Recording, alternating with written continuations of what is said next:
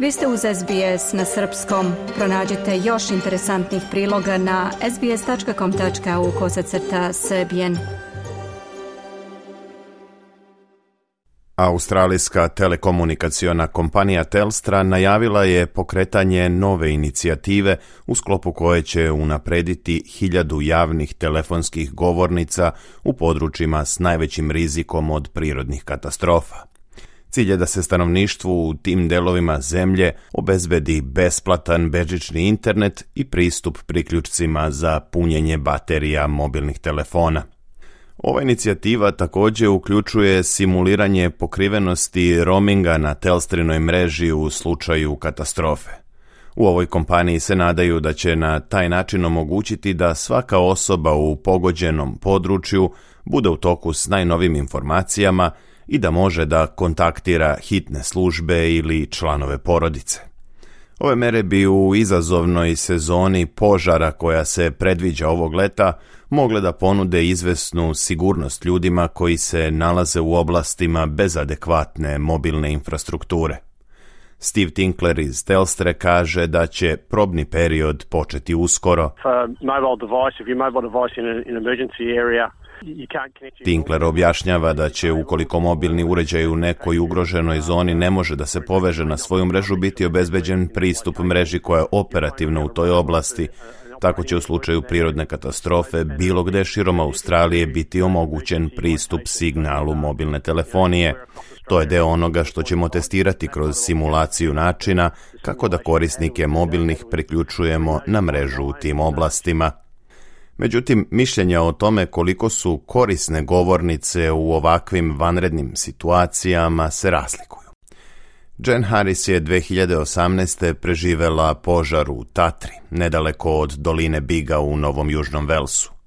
U tom požaru uništena joj je kuća, a Jen se seća da na dan te strašne vatrene stihije nije bilo upozorenja, a svi telefonski predajnici u okolini bili su van funkcije. Ona smatra da je neophodna jasnija komunikacija između službi za hitne intervencije i lokalnih radiostanica, ali isto tako kaže da ne može ni da zamisli da neko traži telefonsku govornicu usred požara. to We Jen se seća da su se 2018. svi evakuisali u Tatru i time zapravo otišli pravu opasnost. Proveli smo tamo nekoliko sati dok nije došla policija koja je preko megafona pozivala sve da odmah izađu i krenu prema Bigi. Osim toga nije bilo nikakve komunikacije o tome šta se dešava i sigurno niko ne bi ni tražio telefonsku govornicu u tom trenutku. Možda neko sklonište od vatre, ali govornica nije mesto gdje ljudi idu kad su u takvoj opasnosti. Također, mnogi kažu da nikada nisu ni koristili telefonsku govornicu, kao i da ne pamte brojeve telefona prijatelja i porodice. Ipak, neki ljudi u Melbourneu kažu da su ih telefonske govornice spasile u prošlosti. Ovaj čovjek se prisjetio kako mu je govornica bila od koristi kada je ostao izvan svoje kuće dok su se vrata za njim zaključala. Setio se da postoji govornica nedaleko, otišao je tamo i pozvao bivšu suprugu čiji je broj jedino znao napamet. Kako kaže, govornica mu je tada zaista dobro poslužila. Iako mnogi smatraju da im telefonska govornica ne bi bila prioritetno mesto na koje bi se zaputili u slučaju hitne situacije, Steve Tinkler kaže da bi one mogle biti od ključnog značaja posebno za ljude u ruralnim zajednicama. Mnogo puta smo uočili, posebno tokom prirodnih katastrofa, da telefonske govornice mogu biti od vitalnog značaja, jer ako mobilna mreža i internet ne rade, govornice bi mogle da budu u funkciji. Ponekad bi mogle da budu jedini način da obavestite druge da ste dobro ili da kontaktirate hitne službe. Zato su one važan deo komunikacijske mreže za regionalne oblasti i važno je da ljudi znaju gde se govornice nalaze u njihovim zajednicama kao deo plana za reagovanje u slučajevima katastrofe, kaže Tinkler.